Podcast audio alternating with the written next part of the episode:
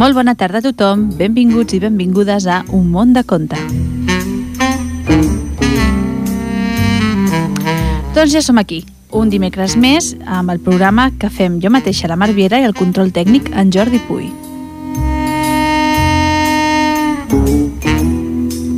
Com sempre, i si ens heu trobat és perquè ho sabeu, estem a l'emissora municipal, al 91.3 de la FM. I si no ens podeu escoltar en directe, ho podeu fer a través del nostre web www.ripolletradio.cat.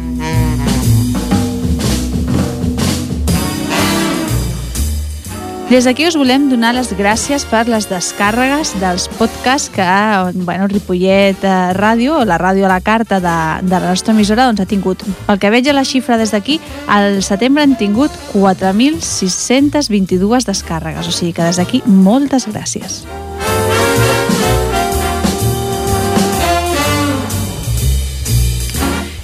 I bé, com que aquest cap de setmana doncs alguns celebren allò més dels Estats Units, que és el Halloween, i hi ha uns altres que celebren la castanyada i la nit de bruixes, que, bueno, o l'1 de, la nit de, de l'1 de novembre, que és la nit de Tots Sants o dels difunts, doncs avui portem contes alguns contes eh, amb bruixes. Hem decidit doncs, que les bruixes siguin el personatge comú dels contes d'avui. I aleshores, quins títols us portem? Us portem El carrer de les bruixes, La bruixa Brunilda i el petit drac, Qui sap què pot passar de nit i La princesa segona.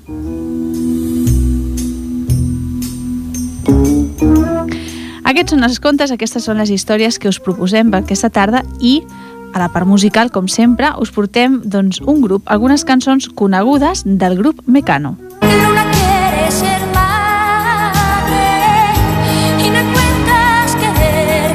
grup dels 80, dels 90 i bé, jo crec que és atemporal perquè tothom doncs, alguna vegada ha tingut alguna època que li han agradat els Mecano o fins i tot hi ha gent doncs, que li agraden sempre i que escoltar les seves cançons doncs, bé, és un plaer i avui els hem volgut portar aquí a un món de compte. Esperem que us agradin i que us quedeu amb nosaltres.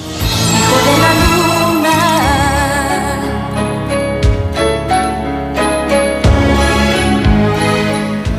Doncs bé, el que dèiem, castanyada, castanyes, panellets i bé, quina millor manera d'acompanyar tots aquests, totes aquestes celebracions que hi ha bones històries i bons contes. I abans de començar amb els continguts del programa, de què us vull parlar avui? Doncs us vull parlar d'un festival de narració oral que es celebra cada any a Barcelona.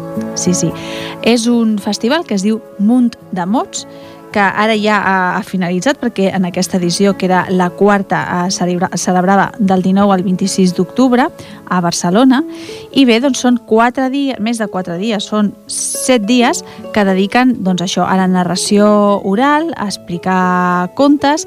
I bé, entre les activitats que des del Munt de Mots s'organitzaven, doncs teníem tertúlies de contes i cançons, teníem concerts de, de guitarra, com per exemple la guitarra encantada, o tenim també cinefòrums, tenim eh, doncs això, eh, contes i, i narracions d'històries que es traspassen de, de manera oral i que per tant doncs bé, ens ve a recordar doncs, allò dels trobadors i la manera que tenien d'explicar d'explicar el, els contes i les històries Tenim conferències, com per exemple una que s'ha fet aquest any que anava sobre la tradició oral a Àfrica abans i després, que bé era una activitat que organitzava la Biblioteca de la Vila de Gràcia i bueno, ens explicava com abans de conèixer l'escriptura els africans transmetien els seus costums, vivències i creences d'una generació a una altra oralment, cosa que també els europeus i bé, la resta de, de continents també ho hem fet d'alguna manera en els nostres inicis.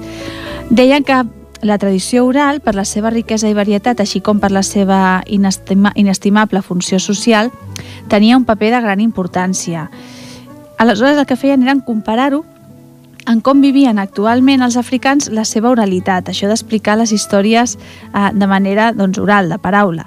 Si sobreviu a la modernitat o si és la literatura clàs, la, la literatura escrita qui bueno, doncs ha sobrepassat aquesta tradició oral contes que, que expliquem o que hem, hem pogut escoltar a l'un món de mots d'aquesta edicions. Doncs mira, hi havia contes que es diuen que humitejaven els llavis i les oïdes, un cuentatodos que es deia Ho tinc a la punta de la llengua.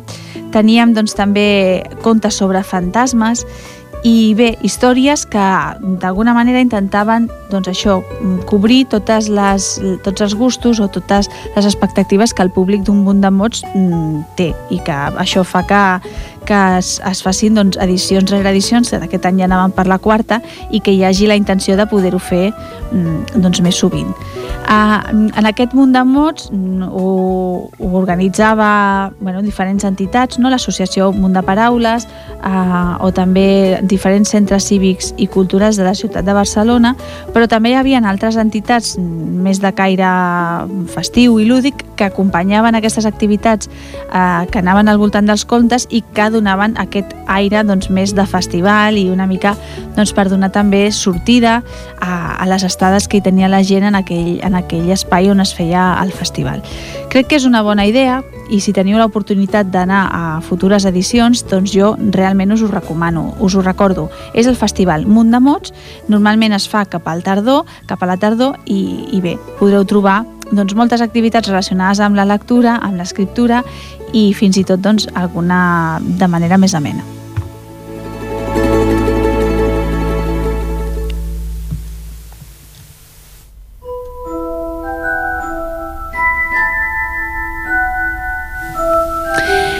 Doncs comencem amb la primera història, amb el primer conte, que es titula El carrer de les bruixes. És un conte d'Elisa Ramon i és de l'editorial EDB. Com sempre us dic, són contes que podeu trobar a la biblioteca de Ripollet, que els podeu anar a agafar i demanar-los en préstec. Teniu aquests i molts altres títols de totes les temàtiques i com sempre us recomano doncs, fer una visita a la biblioteca, als seus prestatges i a triar les històries que més us agradin. Aquesta, El carrer de les bruixes, comença així. El carrer de les bruixes era força estrany, sobretot durant la nit, quan les cases es retallaven contra la llum de la lluma. Al carrer de les Bruixes hi vivien bruixes de totes les races i totes les mides. Elles n'estaven molt del seu carrer i per res del món no es mudarien a un altre lloc. Això mateix va pensar la Violeta quan se n'hi va anar a viure. La Violeta aviat es va donar que les seves veïnes eren unes xafarderes i de les grosses. L'espiaven a totes hores, de lluny i de prop. Fins i tot treien el nas dins casa seva – a més a més de xafarderes, les veïnes eren envejoses i dolentes. Van decidir que la Violeta no els agradava gens ni mica. No els agradava que fos més jove, ni més alegre. Tampoc no els agradaven les seves mitges grogues. Res de res. No els agradava. I les ganes de fer-li la murga va començar a picar-les fort, com un pot de pebre. Tot seguit va començar la tanda de bromes passades. Les veïnes se les empescaven de tots colors per fer la vida impossible a la Violeta – aquella mateixa nit, la Violeta es va quedar sense taulada. La Violeta mira que tenia bon caràcter i es va carregar de paciència. No volia estar malament amb les seves veïnes i confiava que aviat se'n cansarien i la deixarien viure en pau. Anava força equivocada. Les velles germanes, com més s'engrescaven, més grossa la feien. La Violeta començava a rufar el nas. La paciència tenia un límit i ella estava a punt d'arribar-hi. Fins que un bon dia la Violeta va quedar garrativada. Quina fila feia la seva estimada gosseta, la Solina. Les seves veïnes s'havien passat de la ratlla. Des d'aquell mateix moment, la paciència de la Violeta va desaparèixer i va rumiar la manera d'escarmentar-les. S'hi va estar tota la nit. De bon matí ja tenia un pla. Va sortir de casa tot ballant i saltant, carrer amunt, carrer avall, d'una banda a l'altra. Semblava que s'hagués tornat ximple. En tinc cinc, en tinc cinc, cridava ben fort. En sentir-la, les velles bruixes van treure el nas per la finestra. Cinc què? preguntaven totes alhora. I la Violeta els va dir En tinc cinc, cinc, cinc. Si voleu endevinar què és el que tinc, el cap s'haurà d'escalfar. Dit i fet, les velles van començar a escalfar-se la closca. Rebentaven de curiositat, callaven i rumiaven. Ja ho tinc, saltava una d'elles. A veure què? Preguntava la resta de germanes. Cinc barrets d'un sol color que espanten la calor. No, no és això, deia la Violeta, i les tancava la porta als nassos. Les veïnes rumiaven de nou. Ja ho tinc, deia una altra. Què? preguntaven les germanes. Cinc marrecs plorant amb el moc penjant. Aquest cop tampoc no l'havien encertat. De tant pensar, se'ls havia afilat el nas i empetitits els ulls. Es rossegaven les ungles i es rascaven la calva.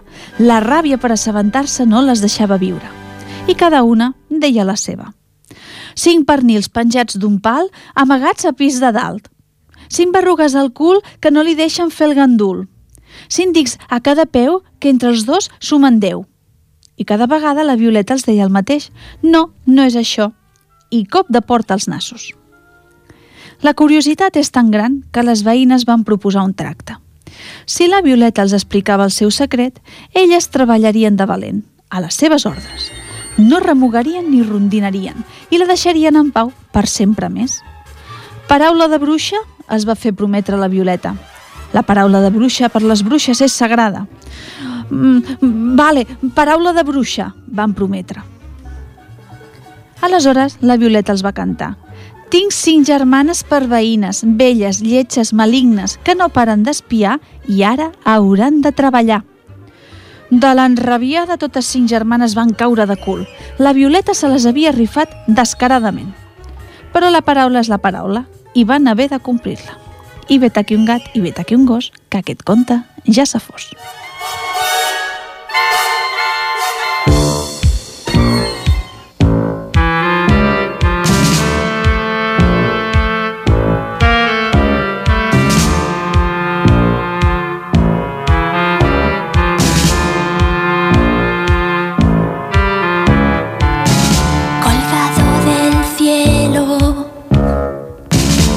doce cipreses, doce apóstoles de verde, velan doce meses a la tapia en ruinas que lo delimita.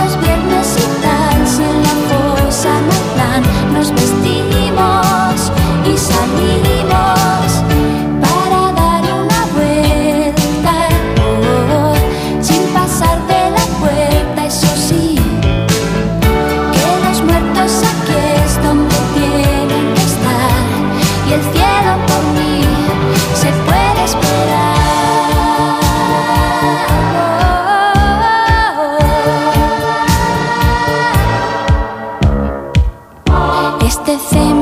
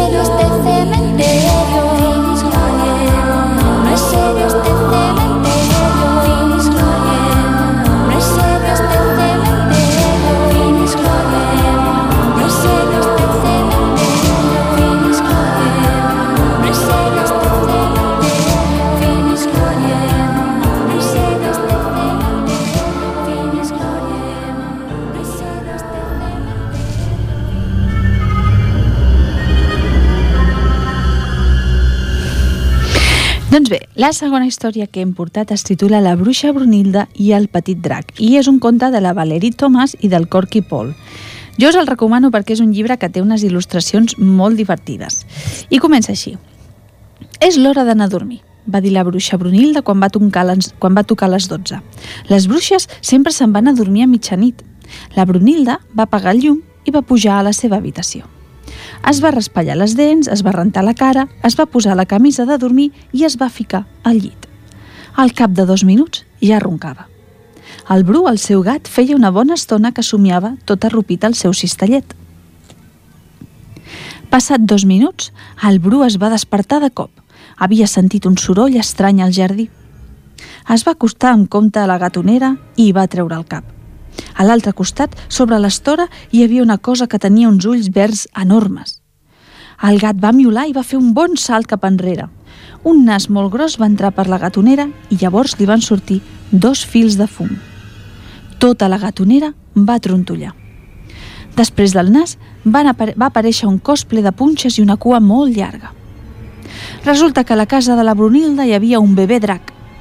El Bru va miular, va fer tres salts mortals cap enrere i va fugir cap al saló. El bebè drac va riure i va córrer darrere del Bru tot agitant la cua. El rellotge de l'avi de la Brunilda es va balancejar. Ding, dong, plaf, i va caure a terra. El Bru va tornar a miular mentre pujava les escales com un llamp. El drac el va seguir sense deixar de remenar la cua. L'armadura de la Brunilda va trontollar i va acabar rodolant escales avall. Crac, clonc, clanc.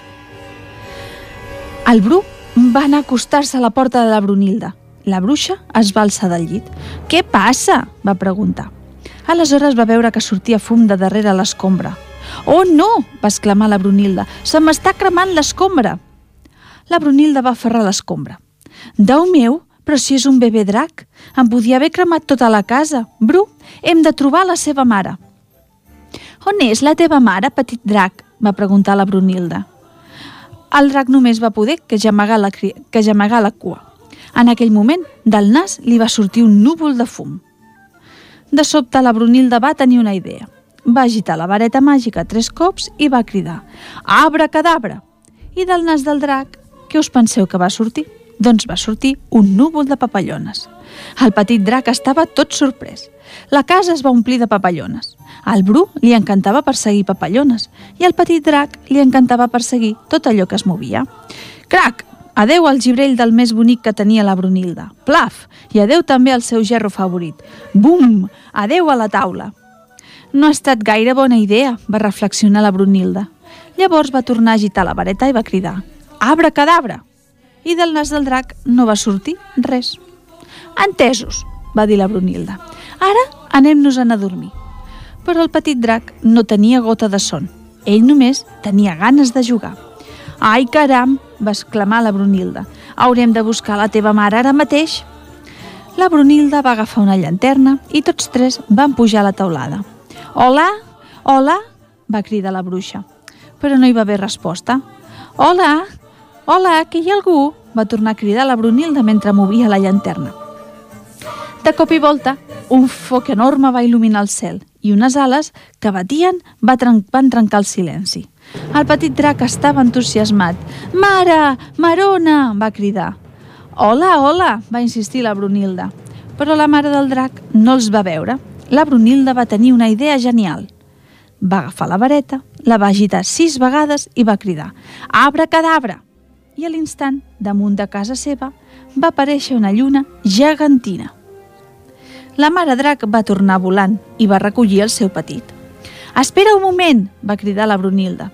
Llavors la bruixa va agitar la vareta i va exclamar «Abra cadabra!» Va deixar anar el petit drac i del nas li va tornar a sortir fum. Mare i fill es van allunyar volant fins que van desaparèixer. La Brunilda va agitar la vareta i va cridar «Abra cadabra!» Tot seguit va desaparèixer aquella lluna enorme i ella que va dir? Doncs va dir a dormir, Bru, ja és hora que estem al llit. La Brunilda es va ficar al llit i va tancar els ulls. Al cap de mig minut ja roncava. El Bru es va gemolir al seu cistell. En aquell moment va sortir el sol, però la bruixa Brunilda i el Bru van continuar dormint com uns troncs.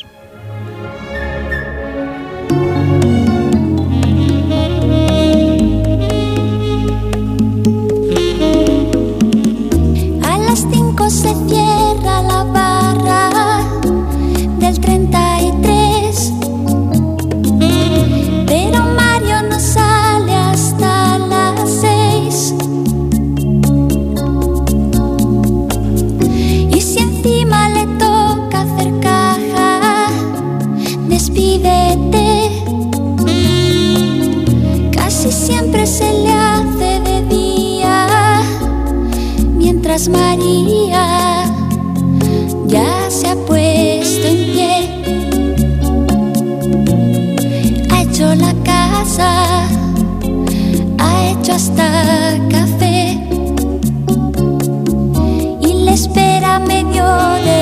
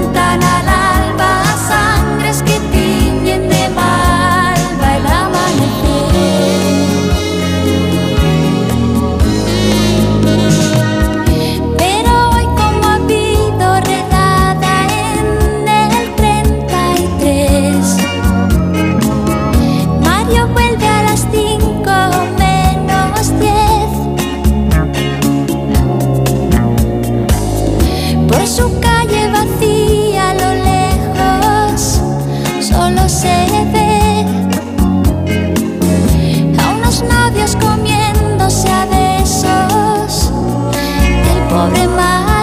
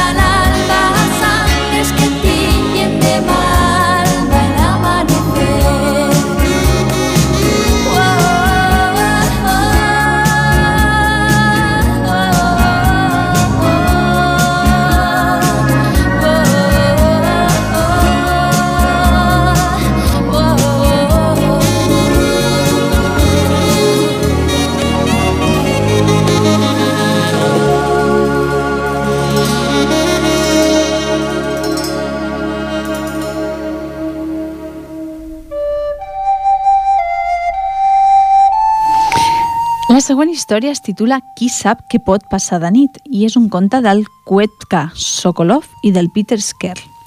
Diu així. En Miquel, en Joel, la mare i el pare tenen una tenda de campanya nova.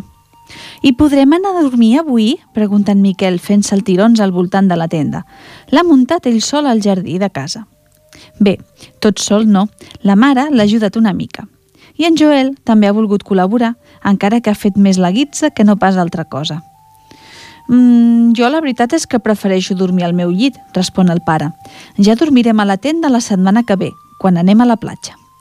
Però, però és que una setmana, una setmana és massa temps, va dir en Miquel. La mare podria dormir amb nosaltres, proposa el pare. Ella nega amb el cap. A mi també em ve més de gust dormir al meu llit.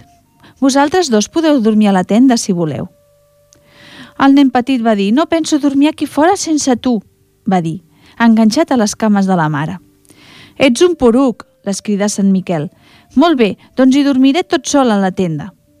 Jo no sóc un poruc, tu sí que ets poruc, replica en Joel. Au, nois, no us baralleu, intervé el pare, que cadascú dormi allà on vulgui. Al Miquel li hauria agradat continuar amb la discussió, però no té temps. Encara ha de fer un munt de coses abans que es pongui el sol. Revisar de nou si les piquetes estan ben enfonsades a la gespa, inflar el matalàs, agafar el sac de dormir de l'armari del rebedor i cercar aquell llibre de la mare que parla d'acampar a la muntanya. Ah, i trobar una llanterna. Qui sap què pot passar de nit? Quan ja ho té tot a punt, és hora de sopar. No vull que el Miquel dormi sol a la tenda, diu en Joel de sobte amb la boca plena. Per què no? pregunta la mare. Algú podria venir i endur-se'l. Em faria molta pena que algú s'endugués el meu germà. Aleshores hauríem de buscar un altre Miquel, exactament com ell. En Miquel infla el pit amb agosserament. Ningú no se m'endurà. D'un salt es posa dret i agafa un pal que ha trobat al peu del tronc del cirerer. Si algú s'acosta a la tenda, li clavaré tantes garrotades que se n'anirà ple de blaus. Res no m'espanta. Mentrestant, el sol se posa darrere la muntanya. Aviat es farà fosc. En Miquel se'n va cap a l'aixeta del jardí i omple una galleda d'aigua. Pesa tant que gairebé no pot sostenir-la. Tot d'una, buida la galleda sobre la tenda. «Però què fas?», li pregunta el pare. «Comprovar si és resistent a l'aigua», li explica en Miquel. «Si plou aquesta nit, vull estar preparat pel que pugui passar». El pare alça els ulls cap al cel on les primeres estrelles ja comencen a brillar. No t'amoïnis, no crec que plogui aquesta nit. Ah, però mai se sap, especialment a la nit. No m'estranyaria gens que es posés a ploure bots i barrals, argumenta en Miquel. I tot seguit, revisar de nou que les piquetes estiguin ben fermes a la terra. Aleshores afegeix, ara serà millor que preparem una foguera. Una foguera? pregunta el pare tot sorprès. Sí, una foguera. En Miquel fa un gest afirmatiu amb el cap per allunyar les bèsties ferotges. Ah, és clar, diu el pare. La mare dona un cop d'ull al rellotge. És hora d'anar a dormir, decideix. Em llegiràs un conte? li demana en Miquel. D'acord, respon la mare, però abans vés al lavabo a rentar-te les dents. Mentrestant aniré a buscar un llibre. Sí, agafa d'aquell que parla de viure en una illa deserta. I jo què? somiqueja en Joel. Si no em llegiu un conte abans de dormir, tindrem els sons. Qui ha dit que et quedaràs sense compte? exclama el pare. Som-hi, que te'n llegiré un parell al llit. S'inclina cap al Miquel i li fa un petó de bona nit. Que dormis bé, fill. Fins demà. La mare li llegeix el conte. És una història d'intriga. Quina sort que acabi amb un final feliç. La mare comprova si està ben tapat amb el sac de dormir fins la barbeta i després li fa un petó. Que dormis bé, bufó, somriu dolçament i afegeix Si no et ve de gust quedar-te a la tenda, entra a casa, d'acord? Per si de cas no tancaré la porta de la cuina amb clau. Dona una ullada al seu voltant i pregunta On vols que et deixi la llanterna? Aquí, en aquesta butxaca de la tenda, contesta en Miquel. Així la tindré a mà. Qui sap què pot passar de nit? És veritat, diu la mare, i es posa a gatejar cap a la sortida de la tenda. Bona nit. Mare, crida Miquel, i si ve algú de veritat? La mare torna a seure's al matalàs. I qui vols que vingui? És que no ho sé, potser un gegant malvat, xiu-xiueja en Miquel. Oh, però això no pot ser, li assegura ella caronant-li la mà. Tots els gegants van desaparèixer fa molt de temps. Uf, quina sort, sospira en Miquel més tranquil, mentre s'estira el matalàs. Després tanca els ulls i murmola. De tota manera, qui creu en gegants? Jo no. Bona nit, torna a dir la mare. I abans de sortir de la, de la tenda, afegeix. Miquel, saps que aquí no hi ha animals ferotges, oi? Ja ho sé, respon en Miquel, i després se li escapa un badall llarg i sorollós. De tota manera tinc la foguera i el pal per defensar-me. Qui sap què pot passar de nit? La mare surt de la tenda quatre grapes i tanca la cremallera des de fora. Contempla el cel estrellat i pensa que demà farà un bon dia. Ella ja ha enfilat cap a la porta de la cuina quan li arriba l'enrenou de la tenda. «Mare! Mare, que hi ha algú al jardí!» Sense perdre temps, la mare torna a la tenda, obre la cremallera i s'agenolla al, matall al matalàs. Miquel, no hi ha ningú al jardí. El soroll que escoltaves eren les meves passes. Però... i la Ramon entre els matolls? Pregunta en Miquel amb la veu tremolosa. No ho sé, jo no he escoltat res, diu la mare. És probable que t'ho hagis imaginat. La mare l'estrenya amorosament i pregunta Segur que no prefereixes dormir al teu llit? No, de cap manera, replica en Miquel mentre s'allita inquiet entre els braços de la mare. Ella mou el cap. Molt bé, tu mateix. Accepta després d'una estona. Bona nit. Bona nit, mare. Fins demà, contesta en Miquel. Abans d'entrar a casa, ella s'atura al llindar de la porta de la cuina un instant. En Miquel estarà bé, tot sol a la tenda? Qui sap què pot passar de nit? El pare ja s'ha quedat mig endormiscat, i la mare també. Ha tancat els ulls, quan en Miquel crida des del jardí. Mare! I la mare i el pare es desperten de sobte. S'aixequen d'un salt i corren cap a la porta del jardí. Hi ha algú al jardí, gemega en Miquel aixoplugant-se als braços del pare. Ha sacsejat la tenda, volia endur-se'm, amb la tenda i tot. La mare agafa la llanterna que en Miquel sosté a la mà tremolosa. Mira, no hi ha ningú, intenta persuadir-lo. Segurament t'hauràs espantat per algun sorollet. Potser només és el vent. Vull dormir amb vosaltres, ploriqueja en Miquel. Al vostre llit. D'acord, respon la mare amb un to melindrós mentre l'abraça. O potser, potser prefereixes que dormi amb tu a la tenda, suggereix el pare. Ja veuràs com no hi ha ningú al jardí. No, avui no, potser un altre dia, diu en Miquel. Quan anem a la platja?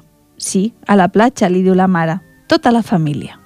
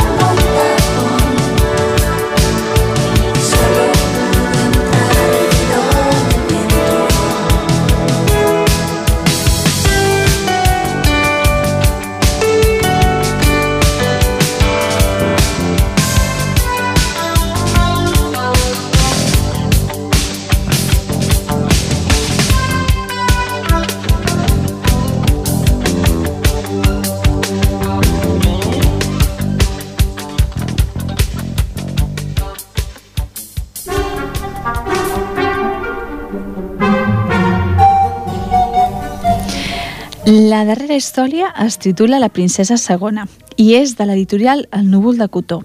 És una història escrita per Hioawin Oram i el Tony Ross i comença així. Una vegada hi havia dues princeses, la princesa primera i la princesa segona. La princesa primera estava contenta de ser la primera, però a la primera segona no li agradava ser la segona. Així doncs, se'n van anar al bosc a buscar el llop gris, Llop gris, llop gris, va dir la princesa segona. Has de venir a Palau en caure a la nit i cruspir-te la meva germana per tal que jo sigui la primera. Vinga, dona, va dir el llop gris. Ves quines coses de pensar. Jo no ho faré mai, això. I ara? Així doncs, la princesa segona va anar a buscar l'os marró. Os marró, os marró, va dir, has de venir a Palau i casar-te amb la meva germana perquè no sigui a casa i jo pugui ser la primera. Ah, sí? va dir l'os marró. Deixa'm dir-te una cosa, no em casaria amb la teva germana encara que fos l'única persona de tota la terra. Així doncs, la princesa segona es va plantar a les cuines de Palau, blanca com la cera. Cuinera, cuinera, va dir. M'és igual si la, cuina, si, la, si la cuines en un pastís o la converteixes en una bafarada de vapor. T'ordeno que facis desaparèixer la meva germana per tal que jo pugui ser la primera. Molt bé, va dir cobdiciosa cuinera. Però vull una cosa a canvi. Què vols? va dir la princesa segona. Joies, va contestar la cuinera. Les joies de la teva mare. Totes, joies, joies i més joies. Ho intentaré, va dir la princesa segona. Així doncs, la princesa segona es va esmunyir dins l'habitació de la seva mare i va, fot, i va fer tot el que va poder. Va muntegar, carregar i es va embutxacar tot de coses brillants, medallons, tiares i rellotges, collarets i cadenes, braçalets, fermalls i arracades, agulles, cibelles i anells. I tot, i tot i que el seu cor bategava com un rellotge i li tremolaven les cames com un flan, estava tan ocupada que no es va donar que la minyona havia entrat a fer el llit. La reina havia entrat a buscar la minyona. Dues dames d'honor havien entrat a buscar la reina. Dos guàrdies havien entrat a buscar les dames. El camarlenc buscava els guàrdies i el rei buscava el camarlenc. De fet, només quan la minyona va plorar, la reina va cridar, les dames es van desmaiar. Els guàrdies van exclamar, què és això? I el rei se'l va endur cap a la sala del tron. Es va donar que l'havien atrapada amb les mans al plat. Bé, va dir el rei quan va ser sols a la sala del tron, vejam, vejam... Però, és clar, L'única cosa que la princesa segona no podia fer era explicar per què volia les joies de la reina. Va restar cap baixa imaginant què passaria si algú se n'assabentava. Finalment va entrar la reina, que havia tingut una idea. Si no ens pot dir, si no ens pots dir què em volies fer de les joies, va dir, ens ho haurem d'imaginar. A veure, les volies netejar? La princesa segona va fer que no amb el cap. Era per jugar reis i reines, va dir el rei. La princesa segona va fer que no amb el cap. Aleshores era per donar-les a algú altre, va dir la reina. A canvi d'alguna cosa que desitjaves molt i molt? I aleshores, només aleshores, la princesa segona es va tapar la cara amb les mans per tal que no la veiessin i va murmurar tan fluixet que el rei i la reina s'hi van haver d'acostar per sentir-la. Sí, va dir suaument, per ser la primera. I amb gran sorpresa per part seva, el cel no va caure i el món no es va acabar. La reina va sospirar més tranquil·la i el rei va dir «Encara sort que ho sabem, ara vés a ajudar la teva mare a guardar les seves tiares. D'ara endavant seràs la primera els dilluns, dimecres i divendres». I així fou. I la princesa primera serà la primera els dimarts, dijous i dissabtes. I també fou veritat. I els diumenges tots serem els primers, va dir el rei. I fou cert també. I tot i que la princesa primera va tardar una mica a acostumar-se a no ser sempre la primera i que la princesa segona va tardar una mica a acostumar-se a ser-ho dia sí i dia no, i que els diumenges hi havia una mica de competència, tots van viure plegats i feliços des d'aquell moment, tret de la cuinera, que es va agafar una gran enrabiada perquè només volia joies, joies i més joies, i perquè mai no sabia quin dia de la setmana era.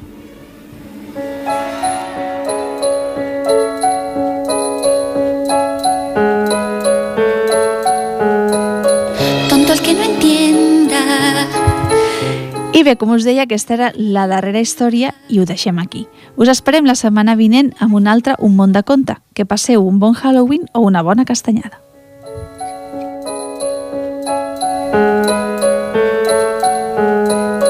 Tonto el que no entienda Cuenta una leyenda Que una hembra gitana Conjuró a la luna hasta el agua llorando pedía al llegar el día de esposar un calé.